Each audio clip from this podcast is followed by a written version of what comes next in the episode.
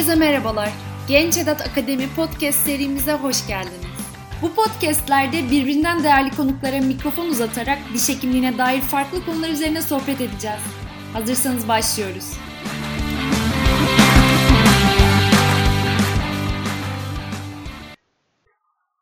Merhabalar Bora Hocam. Öncelikle hoş geldiniz. Merhabalar, hoş bulduk. Çoğu dinleyicimiz sizi mutlaka tanıyordur ama biz yine de sizden kendinizden bahsetmenizi istesek. Ee, ben Bora Korkut. Ee, Marmara Üniversitesi Diş Hekimliği Fakültesi'nde restoratif diş tedavisi ana bilim dalında öğretim üyesi olarak görev yapıyorum. Ee, doktor öğretim üyesi e, şu an e, ünvanım diyeyim. Ne yapıyorum derseniz aslında e, bilmiyorum takip ediyorsunuzdur ama bayağı yoğun herkes gibi bu dönemde işimiz gücümüz. Üniversitede zaten biz hem hasta bakıyoruz hem burada eğitim veriyoruz, ders veriyoruz. Şu an online olarak yapıyor tabii bunlar ama onun dışında e, olabildiğince de işte yaptığım işleri e, elimden geldiğince paylaşmaya çalışıyorum. Belki biraz fayda olur diye meslektaşlarıma, öğrencilerimize belki de. E, bir yandan işte e, meslekle ilgili yeni materyaller deniyoruz. Yeni firmalardan çıkan ürünleri denemeye çalışıyorum. Kendimi geliştirmeye çalışıyorum bir yerde. Ee, peki hocam, üniversite zamanında nasıl bir öğrenciydiniz diye sorsak. Bora Korkut nasıl bir öğrenciydi? çok klasik bir soru oldu aslında. Bu nasıl bir öğrenciydi bilmiyorum. Ya aslında herkes gibiydim ya. Öğrencilik döneminde çok fazla böyle hani e, ideallere koşamıyorsun. O bizim herhalde şeklinde biliyorsun ki hepimiz yaşadık. E, bu puan kaygısından, yetiştirme e, kaygısından öyle. dolayı yani e, işte bir şeyi ideal yapayım, işte şunu da deneyeyim, bunu da deneyeyim gibi bir durum pek fazla olmuyor yani. O sınavlar, puanlar bilmem neler derken öyle bir koşturmayla geçen bir dönem. Yani herhalde ilk seneler daha eğlenceli geçmiştir ama ondan sonra işte 3'ün üç, ikinci döneminden itibaren biz kliniğe çıkıyoruz Marmara'da. Hı hı. E, sonrasında 4'te 5'te 5 biraz daha tabii rahat oluyor ama özellikle 4. sınıf falan ciddi yoğun geçiyor sınavlarla, kliniklerle. Ee, tabii ki yaptığımız şeylerden çok şey öğreniyoruz. Hasta sayımız da bizde bakmamız gereken çoktu gerçekten de çok oluyor. E, ama onun koşturmasından nasıl geçti dersen koşturmayla geçti gibi bir özetleme yapabilirim belki de.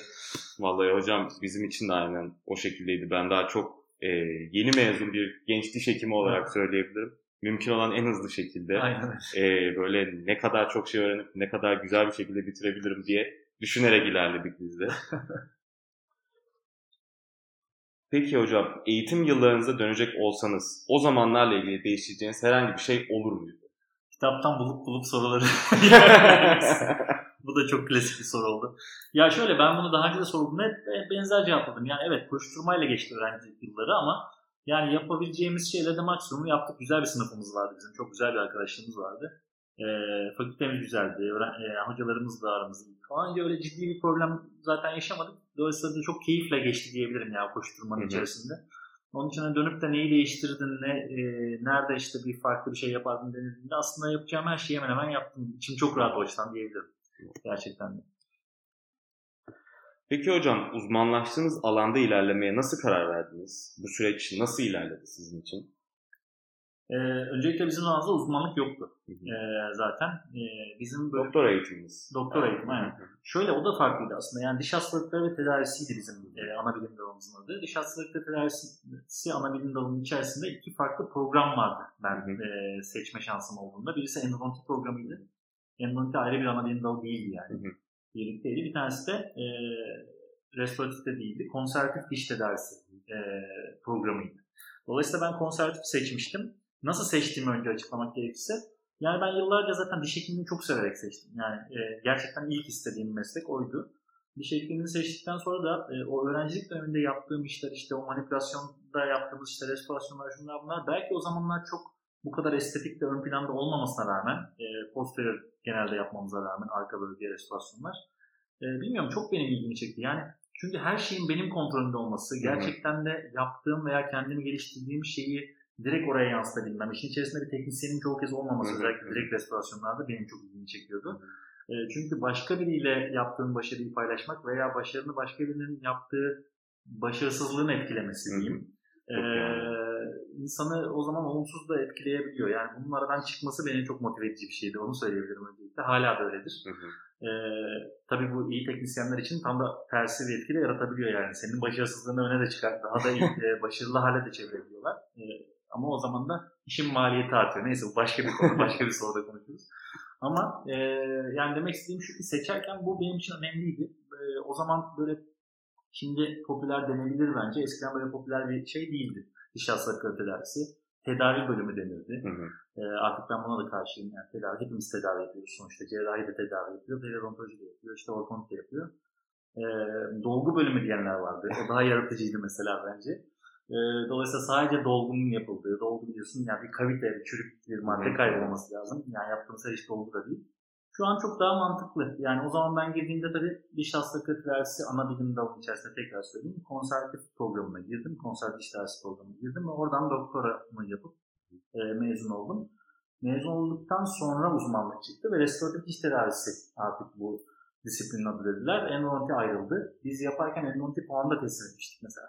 Yani ben e, 100 işte tek kök, 100 çok kök e, bütün kayıtları da teslim edip onların hocaları kontrol edip sonra yeterliğe girdiğimi biliyorum o dönemde. Oo. Yani birlikteydi bizde hepsi.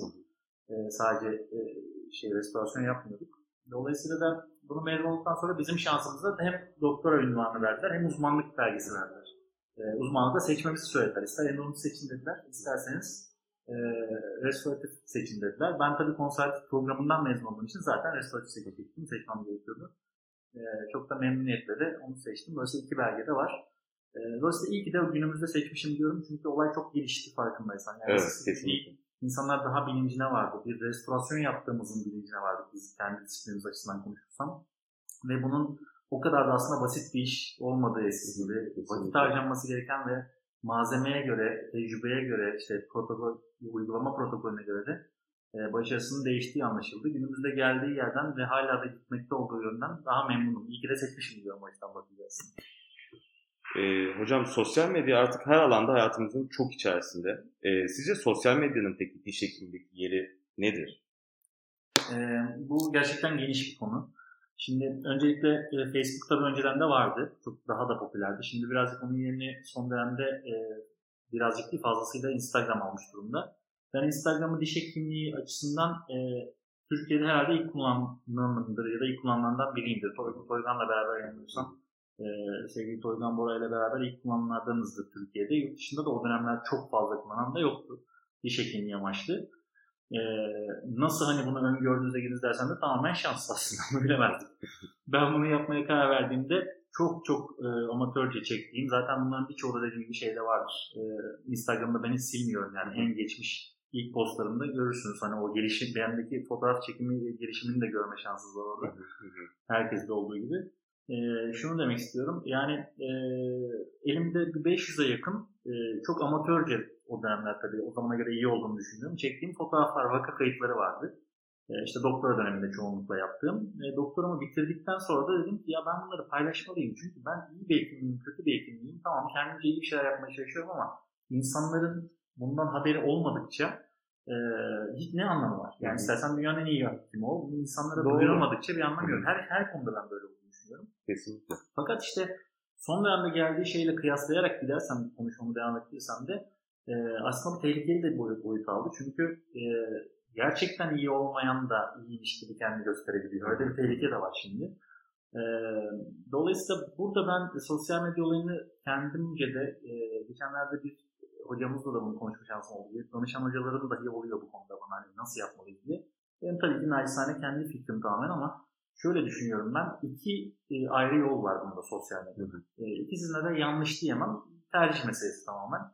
E, benim seçtiğim yol şuydu. Ben hasta kazanımı yapmak için değil, bu camiadaki hekimler arasında bir saygınlık kazanmak için bunu yapmaya karar vermiştim. Yani ben iyi bir hekim olduğumu, iyi iş yaptığımı, e, yaptığım işleri daha doğrusu tarafsızca, kullandığım materyalleri de göstererek e, ve materyaller bazında da olabildiğince tarafsız olarak ve şu iyidir, bu iyidir, gibi, kötüdür gibi e, kötü olanı rencide edip iyi örmek gibi değil, yaptığım işi şu materyalle yaptım. Yorumu karşı tarafa bırakacak şekilde e, bunu yapmaya karar verdim. Yıllardır, yıllardır da olabildiğince öyle yapmaya çalışıyorum.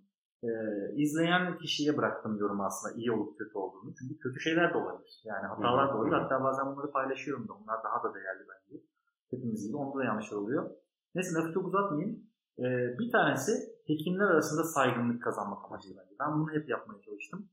İnşallah elimden gelince yapabiliyorumdur. Diğeri ise doğrudan sen hasta kazanımına yönelik bir sosyal medyacılık yapabilirsin. Kaba tabirle. Yani Ee, şu demek bu, hastalara yönelik hastanın sana Aa, ne kadar iyi hekim, ben şimdi bu şey yaptığım demesine yönelik paylaşımlar yapabilirsin. Burada şöyle bir risk var. Çok büyük paralar kazanabilirsin. Bunun çok örnekleri de var ülkemizde. Çok popüler olabilirsin. Yani bütün şarkıcılar, türküler falan sana geliyor da olabilir. Ama bir bu senin çok iyi hekim olduğunu göstermeyebilir. İyi hekim de olabilirsin bu arada. Ama daha tehlikelisi orada buna yönelik yaptığın paylaşımlar birazcık daha şova yönelik paylaşımlar oluyor çoğunlukla. Çoğunluğu böyle olduğunda da bizim camiamızda çok tepki çeken ve saygınlığını yitirmene sebep olan şeyler olabilir. Yani hele ki akademik hayatta sen devam ediyorsan e, bence olabildiğince saygınlık kazanacak hekimler arasında paylaşımları yapmaya dikkat etmekte fayda var. E, o nedenle de hatta o dönemde ben herhalde bir 5 yıl 6 yıl önce falan e, hesaplarımı ayırmıştım. Yani normal Hı. özel hesabım ayrıdır benim Instagram'da. E, iş hesabım ayrıdır. Özel hesabımı da paylaşacağım normal günlük yaşantı şeylerimi paylaşırım. Şimdi tekrar söylüyorum. E, belki günlük yaşantını paylaşmak yanlış da değil benim fikrim bu tamamen ama akademik camiada özellikle bazı şeylere bu konuda dikkat etmekte de fayda var.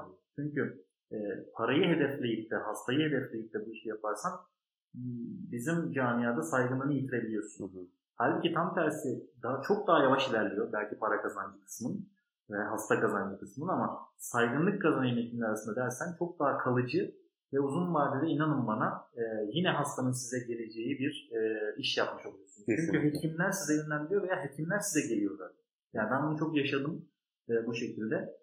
E, dolayısıyla ben hep hedefim o oldu. E, biraz olsun başarabilsem de ne mutlu bana. Önemli olan bence daha çok o sosyal medya. Hocam kesinlikle bu noktada belki de hani en başarılı hekim e, sizin olduğunuz söylemek yanlış olmaz. yok yok estağfurullah sağ olun. Hocam e, aslında dental fotoğrafçılıkla da e, ilgileniyorsunuz. Bu alana sizi sizce sosyal medyada var olma düşüncesi mi itti? E, yoksa bu konuda kendini geliştirmek isteyen diş hekimi adaylarına tavsiyeleriniz nedir? Ya bu şey yumurta tavuk e, ilişkisi gibi aslında. Yani Hı-hı. sosyal medyaya girdikten sonra evet e, sosyal medyadan da ben çok şey öğrendim. Yani özellikle yurt dışındaki bazı hekim arkadaşlarımdan hiç tanışmamamıza rağmen şu an çok samimi olduğum birçok e, oradaki iyi klinisyenden, hekimden, akademisyenden e, yaptıkları paylaşımlarla onların da birçok şey öğrendim. Yani yeni bir materyal çıkmasından tut, e, çektikleri fotoğrafın kalitesine veya ne materyal kullandıklarına fotoğraf çekimine kadar birçok şeyde beni daha ileri attı diyebilirim. Hala da öyledir, hala atıyor.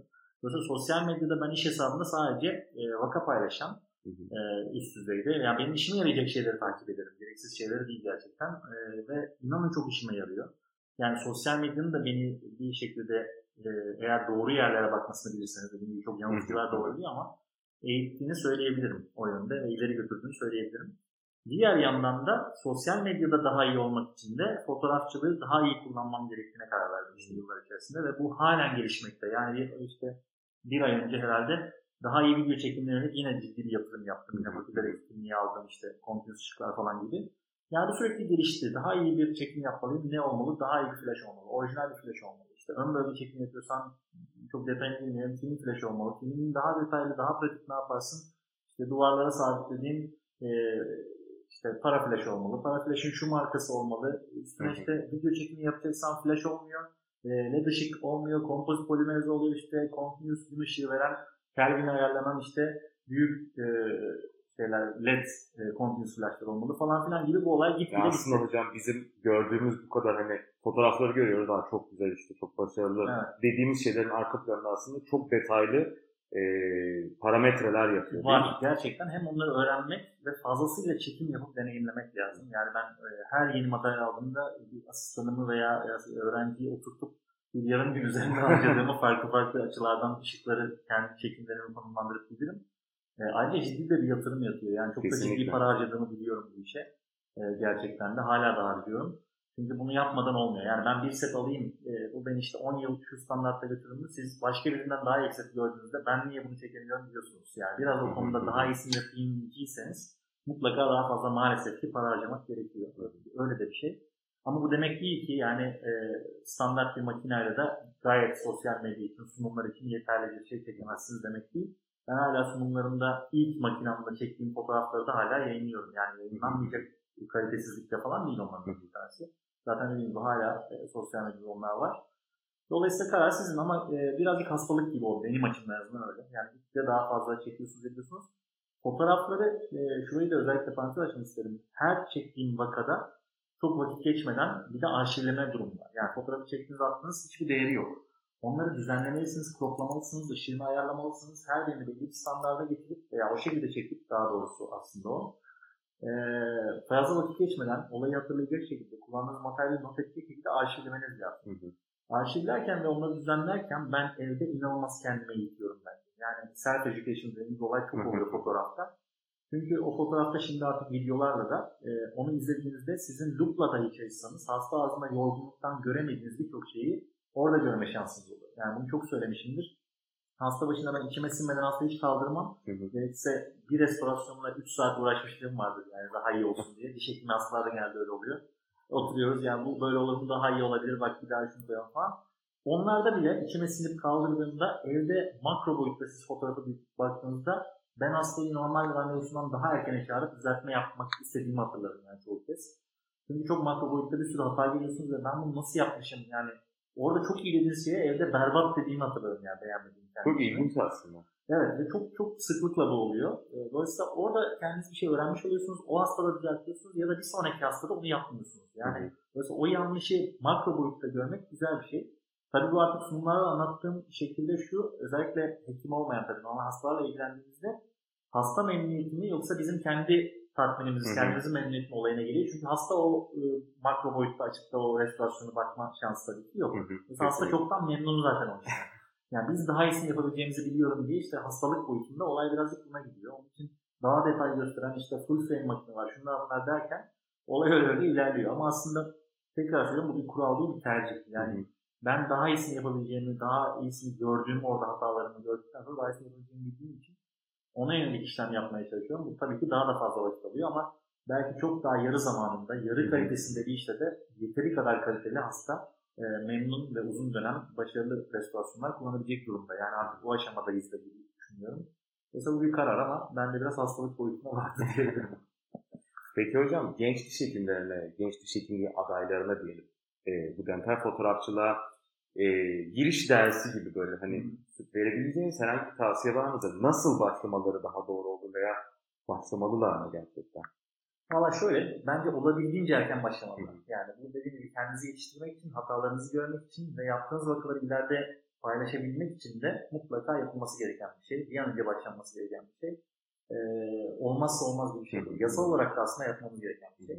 Bizim e, fakültede hemen hemen gelen bütün asistanlarımız hiçbir zorlama olmadan e, bu önerilerimiz doğrultusunda bir şekilde e, bunu bir yılda olmasa da iki yılda, üç yılda tamamlayıp kendilerine bir set yapıyorlar. Yani her diş hekiminin merkezinde, evet. özellikle restoratif bazında konuşsam her restoratif e, diş tedavisi doktorasıyla uzmanlığı yapan e, hekimin bence edilmesi gereken ilk şeylerden biri fotoğraf makinesi ekipmanı, profesyonel bir set olması lazım.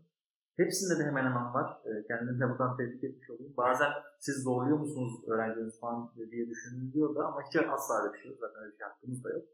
Ama hepsi bunun bilincinde ve e, imkanları dahilinde olabildiğince farklı farklı ekipmanlar olsa bunu kurmaya çalışıyorlar. Ne kadar önce başlanırsa o kadar bence faydalı olacaktır. Ama bir temelini almak lazım. Buna yönelik kurslara da gidebilirler. Okullarda artık fakültelerde bunların dersleri de verilmeye başlandı. Bizde seneye yanılmıyorsam başlayacak olacak. Yani fotoğrafçılık dersi olmalı da bence bir an önce. E, ya da bununla ilgili güzel kitaplar da var. Yani oradan temelini zaten öğrenebilirler. Klinikte nasıl çekip ne yapacaklarını ama tekrar söylüyorum olay aslında fazla deneyim yapmakla alakalı bir şey. Yani sen en iyi materyali de alsan, en iyi işte flash'ı makineyi de alsan oturup farklı farklı açılardan ışığı kullanmayı bilmen lazım. Bunun için çok fazla deneyimlemen lazım. Yani bu konu bu. Zamanla, Zamanla geliştirebileceğiniz bir şey kendinize. Yani zor geliyor, zamanımı alıyor diye düşünmemek lazım. Olabildiğince üstüne gidip çalışmak Hı-hı. lazım. Çünkü üstüne gittikçe deneyimleniyorsun ve e, daha kısa sürede daha başarılı fotoğraflar çekmeye başlıyorsun. Evet. Anladım hocam. Ee, hocam yaptığınız işi severek yaptığınız çok belli. Ee, genç diş hekimi adaylarına, genç diş hekimlerine işlerini severek yapma konusundaki herhangi bir öneriniz olur mu bu konuda? Yani bir kere sevmeden yapılacak bir meslek değil zaten. Hı. Yani zor bir iş gerçekten. Kesinlikle. E, restoratif bazında da söylersem e, inanılmaz sizi yorucu ve zaman alıcı bir şey gerçekten. İşte bu teknisyen yaptığı bütün, bütün işi biz direkt restorasyonla bazen yapıyoruz. Bazen teknisyenle yapsanız da yine ciddi e, simantasyonda olsun, preparasyonda olsun zaten emek vermeniz gerekiyor. Hepsi restorasyonun içinde bunların da. E, ama e, yani verebileceğim ölçü olur. İşinde de sevmeleri lazım. Yani bu bu e, şeyle sonradan da olacak pek de bir şey değil aslında veya sevecek bir şey ama öğrencilikte en azından anlaşılacak bir şey. Yani ne yapacağınız, neyi sevdiğiniz. Yani bazen şöyle hatalar oluyor sırf ekonomik sebeplerle işte ben şunu seçeyim, bunu seçeyim gibi. Sevmeden bir süre sonra o meslekten soğuyorsunuz. Hı hı. Sevdiğiniz meslekten de çok sürümden kazanayım zihniyetiyle çalışırsanız da bence soğuyabiliyorsunuz. O da ayrı bir tehlike. Yine sevmemeye dönebilir olay. Hı hı. Dolayısıyla yani mesleği de sizdeki sevgisini de çok hızlı tüketmemek lazım diye düşünüyorum. Ee, ona yönelik, Çok önemli aslında Evet, yani yaptığınız işten keyif almalısınız yaparken o kesin. Mesela benim için en değerli şey, yani gerçekten bunu samimiyetle söylüyorum size. Ee, belki buna gülenler olabilir ama inanın samimiyetle söylüyorum. Bir sonraki seans takip kontrolünü yapmak benim için hastada en değerli şey. Beni en heyecanlandıran, en Çok önemli aslında. Yani hasta ödemesini yapsın falan değil mesela. Veya hı. maaşını alayım değil.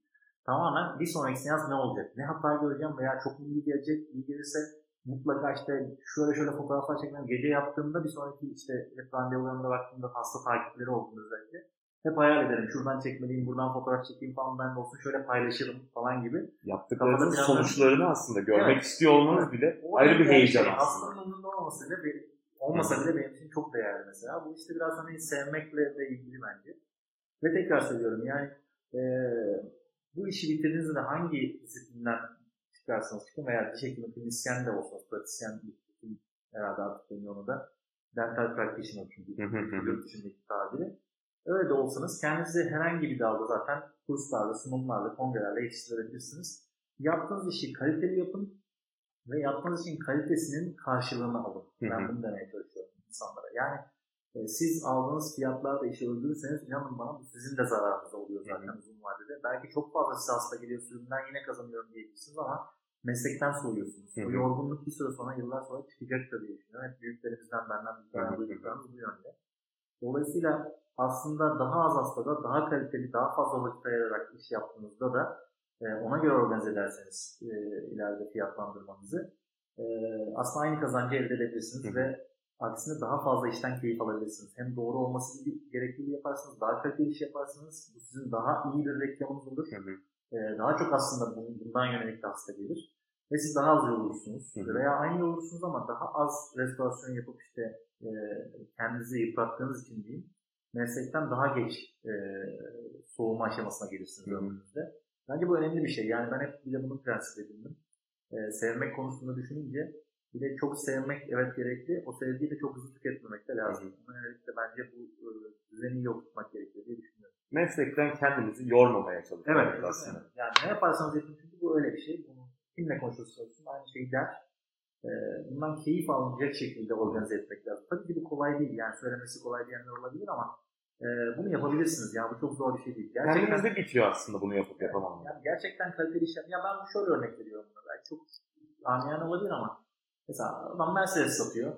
Mercedes satan bir kişiye siz gidip de ya bana Renault fiyatına bunu verirsin diyemeyiz. Diyemeyiz yani. Kesinlikle. Renault kötü bir araba değil bu arada. Yani Renault'u gidip Renault alabilirsiniz. Hı hı. Bu da seçenek. Veya fiyat da almak bir seçenek. Veya Anadolu'da almak bir seçenek. Hı hı. Hepsinde bir alıcısı var aslında. Hepsinde kendi kendine memnun da kalan kişiler var. Yeter ki zaten yanlış etik bir iş yapılmasın. Hepsi de başarılı olur. Ama daha üst düzey malzemeyle daha üst düzey bir iş yapan bir şey varsa ona göre de bir karşılığı var her zaman. Bu dünyada her, Çok doğru bir her şeyde hepsinde böyle. Yani onun için siz eee Mercedes kalitesinde bir iş yapmalısınız zaten olabildiğince diyorum yaptığınız her şeyde. E böyle bir iş yaptığınızda da onun belli fiyatı olması gerekir. Kesinlikle. Siz öyle bir iş yapıp ben Renault fiyatı alırım, sürümden kazanırım derseniz bu size zararı sokacak bir şeydir mantıken. Olmaması gereken bir şey. Evet, Ama demeye çalıştığım özetle bu aslında. Ee, pandemi dönemi birçok diş hekimliği öğrencisini bir hayli etkiledi hocam. Sizce bu dönemdeki pratik ve teorik açıklarını, eksiklerini nasıl kapatabilir bu öğrenciler?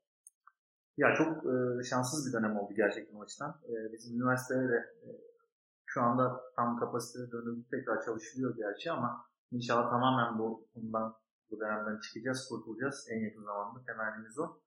E, yani nasıl kapatabilir derken çok sayıda dikkat ederseniz e, seminer de veriliyor. Evet. İşte, e, yani kurs da çok arttı. E, şunu söyleyebilirim ben.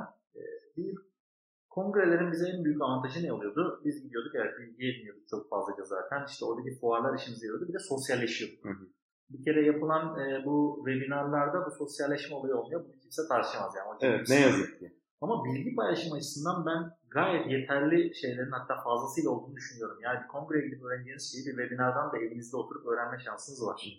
Bu da yatsınamaz şimdi gerçekten. Hatta, Hiç hatta konfor alanından çıkmadan bile Evet. yapabiliyoruz. hatta hibrit e, kongreler oluyor. Yani ben Litvanya'ya bir sunum yaptım mesela. Benim evden tamamen ekrana yansıttılar. Orada oturan insanlar da vardı fiziki Anladım. olarak. Ve oradan bana direkt soru sordular ve ben cevapladım. Kimisi de çıkıp sahnede sunum yaptı. Artık böyle şeylere dönüldü. Dolayısıyla bir kongre bazında e, tekrar söylüyorum sosyalleşmeyi, fuar gezmeyi ayırırsam buradan aslında aynı etkinliği evde bulabildiğimizi söyleyebilirim. Fakat bunu hands-on uygulamalar için söyleyemem. Yani hands-on uygulama bambaşka bir şey. Dolayısıyla kurslar bence mutlaka var olmaya devam edecektir bu açıdan olmalıdır da.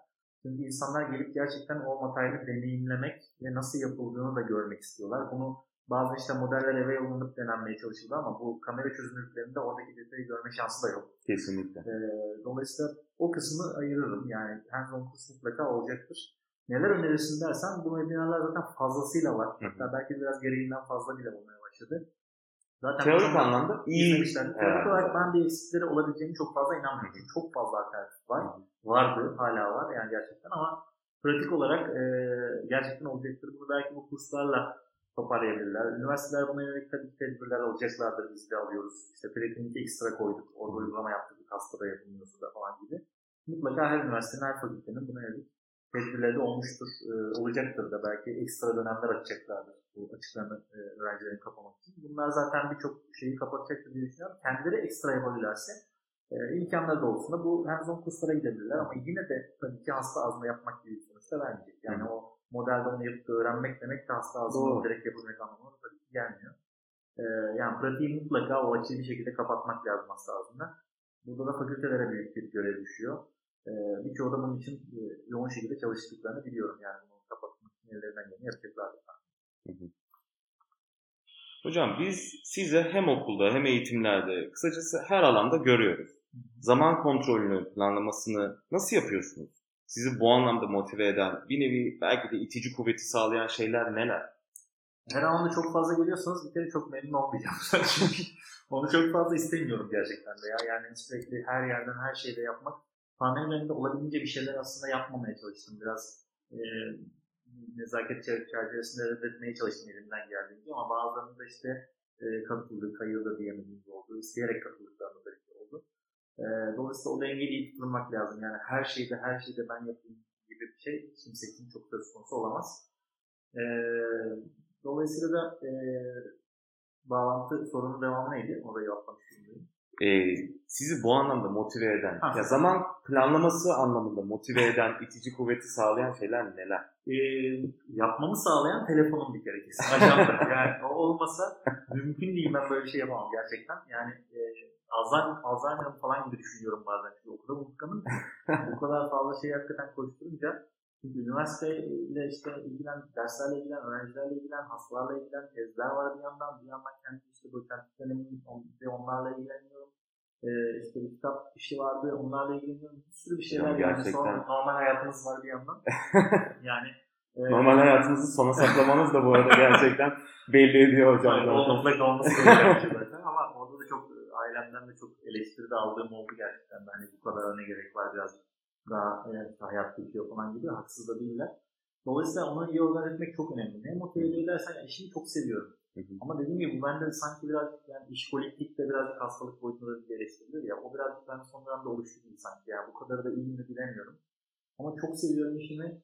İnanılmaz hızlı derecede restoratif bazında konuşsam yine e, yeni malzemeler, materyaller çıkıyor piyasaya. Çok hızlı. Yani eskisinden daha da hızlı belki. E, ve bunları ben restoratif psikolojisinde bir akademisyen olarak e, hepsini bilmem gerektiğini düşünüyorum. Yani bir şeyi biri bana sorduğunda onunla ilgili ya benim fikrim yok demek bana çok e, doğru gelmiyor. Tabii ki hepsini de mümkün değil ama en azından temel majör olanları bilmek gerekiyor. Ve bunları deneyimlemiş olmak gerekiyor. Biraz bunu motive ediyor. Biraz mesleğim kendi kendine beni motive ediyor aslında. Sevmem de. E, materyaller alıp denemek, bunları deneyimlemek, bunları paylaşmak, işte literatürde ekleyecek yayınlar yapmak da en büyük aslında hedefim burada. Dolayısıyla onları yapmak e, ve firmaların böyle ürünleri işte dener misiniz diye göndermeleri beni çok motive ediyor. Denemem gerekiyor. Sorumluluk hissediyorum onunla ilgili. Zaten mesleğime karşı bir sorumluluk hissediyorum. Tekrar söylüyorum. Ama bu işte birazcık fazla e, aşırıya kaçtı mı da o da bir tehlike gerçekten de. Sunumlarda falan da böyle olabiliyor. Onun için artık birazcık bazen seçim yapmak gerekebiliyor bazı şeylerde. Yani bunu yapayım mı, çok oldu, bunu yapmayayım gibi. Çünkü belli bir hayatımız var. Bazen bir bakıyorum, e, ajanda bütün hafta sonlarını doldurmuş. Yani e, devam eden 3 ayda bütün hafta sonu sen doldursan ne yapacaksın mesela? Gerçekten normal bir şey değil. Dolayısıyla artık bunu biraz daha dikkat etmeye çalışıyorum. E, ve az önce ilk başta sözüme girerken bahsettiğim şey gibi yani çok fazla e, oluyorsam bu hoş şey değil. Engel, yani bunun üstüne gidip buradaki yanlışımı e, düzeltmeye çalışan biriyim şu an. Onu dengelemeye çalışıyorum. O nedenle de e, öyle olmak lazım diye Diğer türlüsü biraz tehlikeli boyuta varıyor. E, çok seviyorum mesleğimi ama bir yere kadar yani normal hayatımızda olması gerekiyor. Sadece iş tabii olmaz. Onu da söylemek lazım. Bilmiyorum ne düşünüyorsun bu konuda ama. Hocam aslında haklısınız tabii ki ama biz e, tabii diğer pencereden bakan olduğumuz için biz aslında her alanda sizi görmekten çok memnunuz. Evet, evet sağ ol. Eksik olma yani ama dediğim gibi onun bir dengesini tutmak lazım. Ben de çok seviyorum. Şey yapayım, sunum yapayım, anlatayım, işte vaka yapayım, daha çok paylaşayım falan. Ama gerçekten bir yerden sonra yetişemiyor insan hepsine birden de. Bir de tekrar söylüyorum, akademisyen olduğunuzda e, esas işim benim burası tabii üniversite. Yani üniversitenin dışında bir de sosyal medyası bunun normal paylaşımları paylaşmak için vaka yapman lazım. Vaka yapman için yeni bir şeyler denemek istiyorum. Ee, gerçekten firmalardan gelen çok sayıda malzeme var. Hiçbirini kırmadan ve merak ettiğim için hepsini deneyimleyeyim istiyorum. Sıraya koymam gerekiyor. Yine bir kısa döngü. Onların hepsini denemek için yeni vakalar, yeni hastalar, e, hastalara bakmışken sosyal medya paylaşımı yapmak. Onların hepsini kendim yapıyorum. Hiç kimseyle çalışmıyorum. Otur onları tek tek fotoğrafla, arşivle, sosyal medya hazır hale getir, sun e, falan derken bu döngüde bir bakıyorsun e, aylar geçmiş, yıllar geçmiş. Ve onun için o dengeyi tutturmak lazım. Hocam firmalar, yeni ürünler derken e, Hugh Freedy ve Tokiyama ile birlikte piyasaya sunduğunuz ürünler var. Bunları biliyoruz. E, benim gibi yeni diş hekimleri için hatta halen öğrenci olanlar için de çok ilgi çekici bir başlık aslında. Bizlere birazcık bu süreci anlatmanızı istesem.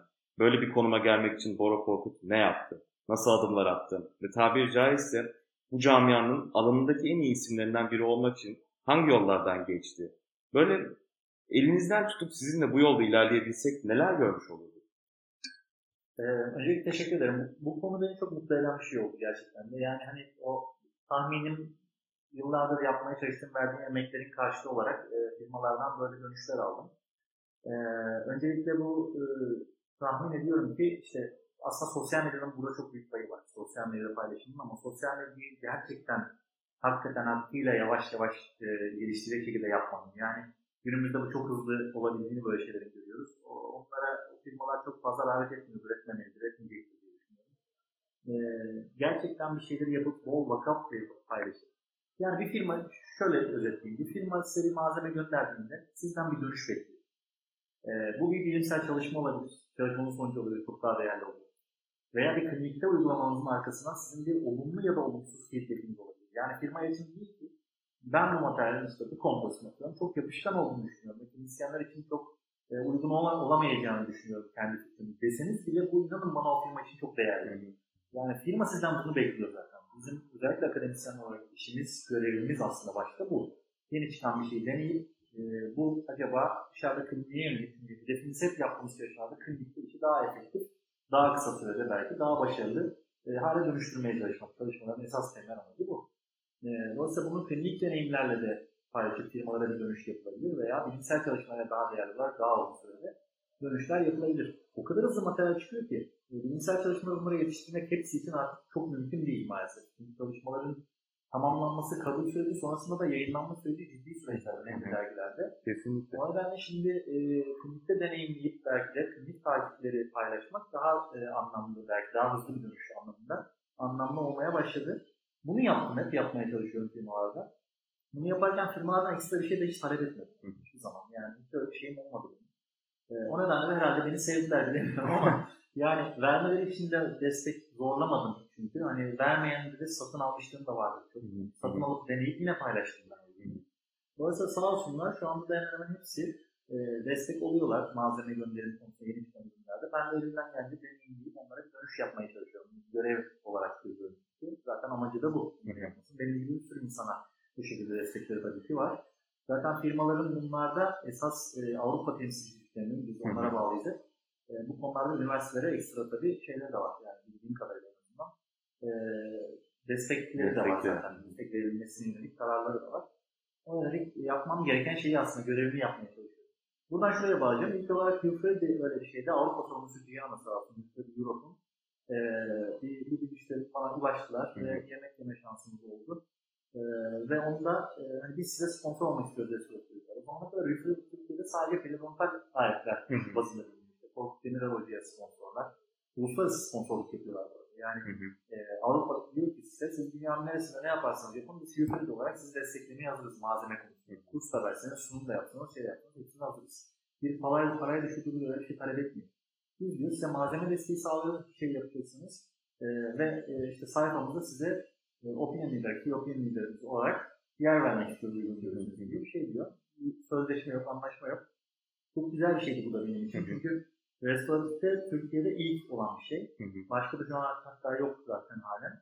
Ee, ve e, tanışınca da daha fazla anlamıştım. Tek hayatları bende vardı ama o kadar çok e, restoratif yönelik malzemeleri var ki anlatamam size. Yani firma çalışanları da Avrupa sorunları. Türkiye'de bunun neden sadece periyo amaçlı e, bilincini biz anlamıyoruz diyorlar. Benim naçizane fikrim birazcık distribütörlerle alakalı bir problem var. Çünkü distribütörler yeteri kadar e, ellerindeki ürünü tanıtmayı bazıları en azından başaramıyorlar. Bugüne kadar başaramamışlar veya diye düşünüyorum. E, bu bununla alakalı bir şey. Şu an biz onlarla bir restoratif seti yaptık. E, şimdi çok spotiller bunlar. E, bir de izolasyon seti yaptık. Rubber'dan izolasyon seti yaptık. Rubber'dan lastiği olarak Kingston kullanıyorum ben. E, onun olduğunu düşündüğüm için. Fakat e, yukarıda Blackline clampleri özellikle işte çerçevesi, forceps'i, clamp e, taşıyıcısı gibi e, puncher gibi failleriyle öyle bir izolasyon setimiz de var. Ön bölgeyi zaten. E, dolayısıyla bunlar sayfalarında da yer verdiler. Amerika'daki sitelerinde, Avrupa'daki sitelerinde de yer verdiler. Yani çok onur edici bir şey oldu gerçekten. Onlara da buradan teşekkür ederim. E, olabildiğince de işte kurslarımızda da o malzemeleri kullanıyoruz. Sunumlarımda da belirtmeye çalışıyorum. Ben de konuşuyorum. Hiçbir firmanın bana e, bugün şu anda e, sadece bizim materyalimizi kullanacaksınız gibi bir üretme bir şeyi teşekkür ediyorum hepsine. Yok. Bu da önemli aslında. Evet, yani Üfredi bile bunda böyle bir şey demedi. Yani Hı hı. siz her şeyi kullanabilirsiniz hocam ama siz iyi olduğunu düşünüyorsanız bizim materyalimizi o zaman isterseniz tanıtın. Biz size bırakıyoruz. Size destek olmaya hazırız dediler. Yani bu şekilde geliyorlar. Çok güzel bir şey. Gerçekten. Ben de karşılığında bir şey talep etmediğim için de herhalde öyle ortak bir e, noktada buluşuyoruz gibi düşünüyorum. Tokuyama'nın yakın vadede böyle bir şey oldu. E, Tokuyama'nın Türkiye'deki işte onların distribütörü Dünya Diş biliyorsunuz. Onların da katkısı bunda var. Ama yine Avrupa üzerinden yani Marco Amore, Amore'den e, gelen bir aslında e, işlem bu. Çünkü bir akıştan kompozit çıkarttık. Bu tarz şeyleri bir baş numarası olmadan çıkartma şansınız yok. Yani buradaki bir depo veya ben kafama göre bir kompozit çıkarttım deme şansınız Hı hı. yok bir firma adı altında. E, Avrupa'dan hepsi onaylanarak gelen, Avrupa'da hazırlanarak gelen kutular üzerinden e, bir zaten olan e, bizim seçtiğimiz bir farklı işte akışkan, farklı risk olan bir set çıkartıldı. O da çok onur ediciydi benim açımdan. Böyle teklifle geldiler. Ben de kabul edeceğimi söyledim. Çünkü materyallerin hepsini denemişim, vakalarım var, kullanmışım. Ee, ve bunların iyi olduğunu, evet, adımını bununla paylaşabileceklerini söyledim. Bunun alternatifleri var mı Türkiye'de? Var tabii. ki. Ee, ama yine burada bana bir firmanın sadece bunu sizin adınıza çıkarttık ee, ve siz sadece bunu kullanacaksınız gibi bir şey zaten olmadı. Ol, olmamalı zaten. Dolayısıyla bu konuda da yine bir ortak nokta bulmuş durumdayız. Yine bir ekonomik şeyimiz olmadan. Ben sadece evet ben bunu öneririm, önereceğimi de yazabilirsiniz dedim. Ve böyle bir güzel bir çift bir ile e, böyle bir set çıkarttılar sağ olsunlar. Ve yine onlara ciddi, yine Türkiye'de bir açıdan bildiğim kadarıyla ilk bir restoratörüne. E, o yüzden kendilerine yine teşekkür ederim destekleri için sağ olsunlar. Yani bu tarz şeyler güzel oluyor, hoş oluyor. E, ve biliyorum ki belli kitlelere, belli insanlara e, tarafsız bir çıkar gitmeden e, hani e, şeyler anlatmaya çalıştığımı gördükleri için tahminim böyle şeyler. Bir işin içine çok ekonomik çıkarlar, şunlar girdiğinde pek fazla e, işlerin şartları şekli biraz değişiyor gibi geliyor bana. Ben hiç dediğim gibi üniversite akademik e, olmamın sebebi e, paradan daha çok buradaki saygınla bu işi yapmaya önem vermem de açıkçası. Aksarıyla zaten dışarıda çalışabilirim yani. Okumadığımdan bu üniversite Kesinlikle. Bu da bir gerçek. E, dolayısıyla da e, böyle şeylerden dolayı bana bu tarz dönüşler yaptılar diye tahmin ediyorum. Teşekkür ederim. Sağ olsunlar. Güzel oldu benim. Şu anlık iyi gidiyor. İnşallah parası nicelerine diye. İnşallah hocam işte dediğim gibi aslında sorumun son kısmında da onu söylemiştim. Bizim gibi daha genç diş hekimleri için, benim arkadaşlarım için, genç diş hekimliği adayları için çok motive edici şeyler bunlar. Bunları duyabilmek. Ee, aslında bir nevi kendim için söyleyebilirim. Kendim için de söyleyebilirim aslında.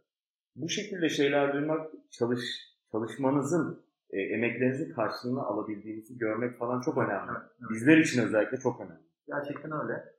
Ee, ama tekrar söylüyorum yani şu da olabilir. Mesela dışarıda ben akademisyen olduğum için ben bir akademisyenin özellikle olabildiğince malzeme konusunda tarafsız kalması gerektiğini düşünüyorum. Mesela bizde restorasyonda ne en çok rekabet içerisinde olan şey kompozit. Yani ağız spatülünde ben hep söylerim ya bunun alternatifi söyledim. Ele marka da vardır diyorum. Firmada bile zaten. Her kutusunda her yerde söylerim. E, istediğini hekimler seçebilir. Bu ikisinden birini alın derim. Bu materyali seti komple almanız gerekiyor. Ama en azından bir tane yiyecek spatülünüz olsun derim gibi. Kompozitte özellikle bunda çok hep dikkat ettim uzun zamandır. Bunu da özellikle belirtmek istedim. Yani özellikle akademisyensek bence tarafsız olmalıyız. İnsanlar sizden tarafsız birçok materyalin e, deneyimlenmiş e, olan bir e, fikrini öğrenmek istiyor. Bunu bekliyor bence. Dışarıda olan hekimlerde e, belki hani sponsorluk imzalanabilir, tek bir marka kullanılabilir, yapılabilir. Bunu anlayışla karşılıyorum, saygı duyuyorum. Akademisyenlerde de fakat var. Yani bu çok yurt dışında da var hatta. Hatta önemli insanlarda da var. Bana çok doğru gelmiyor. Bu benim fikrim. Yani bir akademisyenin dediğim gibi tarafsız olması daha doğru. Ee, dışarıda klinikte de olsanız, hele ki böyle işte e, sunum yapmak, kurs verme işlerine giriliyorsa bence biraz tarafsız olmak lazım. Bir firma üzerinden sponsorluk alıp e, anlatılabilir ama tek bir firmanın materyalini anlatmak farklı bir şey. Mesela bende de oluyor. Sponsorluk alıyorsunuz.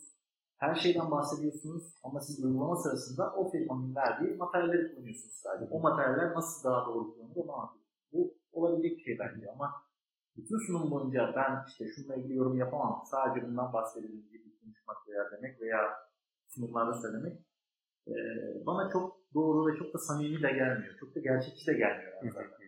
E, çünkü dediğim gibi hiçbir materyal şu an piyasadaki hiçbir firmanın her şey yeterli değil halen. Onun için de bizim özellikle akademisyenler olarak görevimiz tarafsız olarak hemen hemen olabildiğince hepsini deneyimleyip ona göre tarafsız fikirlerimizi hatta bilimsel kanıtlarıyla tabii ki minibüste paylaşmak olmalı diye düşünüyorum. Bunu da belirtmek istedim çünkü bu da bir şey, e, piyasada bir ikilem konusu. E, firmaların ciddi güçleri var. Bu ciddi güçleriyle de e, insanlara, hekimlere de çok ciddi destekler de olabiliyorlar e, sunumlar konusunda. Ben de çok görmüşüm gerçekten teşekkür ederim ama e, kırmızı çizgim hep tarafsız kalmaktı yani. Hı. Hepsi de bilir.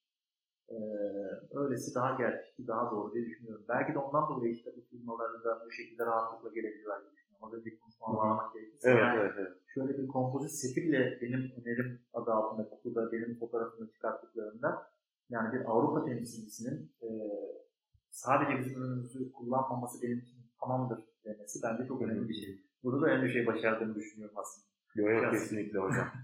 Yani e, çok teşekkür ederiz bu arada. Ben teşekkür ederim. ayırdığınız için. Atacığım çok sağ ol. E, ne kadar yoğun olduğunuzu biliyorum, görebiliyorum da zaten. E, bu yoğunluğunuz içerisinde de gerçekten şaka bir yana vakit ayırdığınız için çok çok teşekkür ederiz. E, biz çok keyif aldık. Eminim sağ ki olun.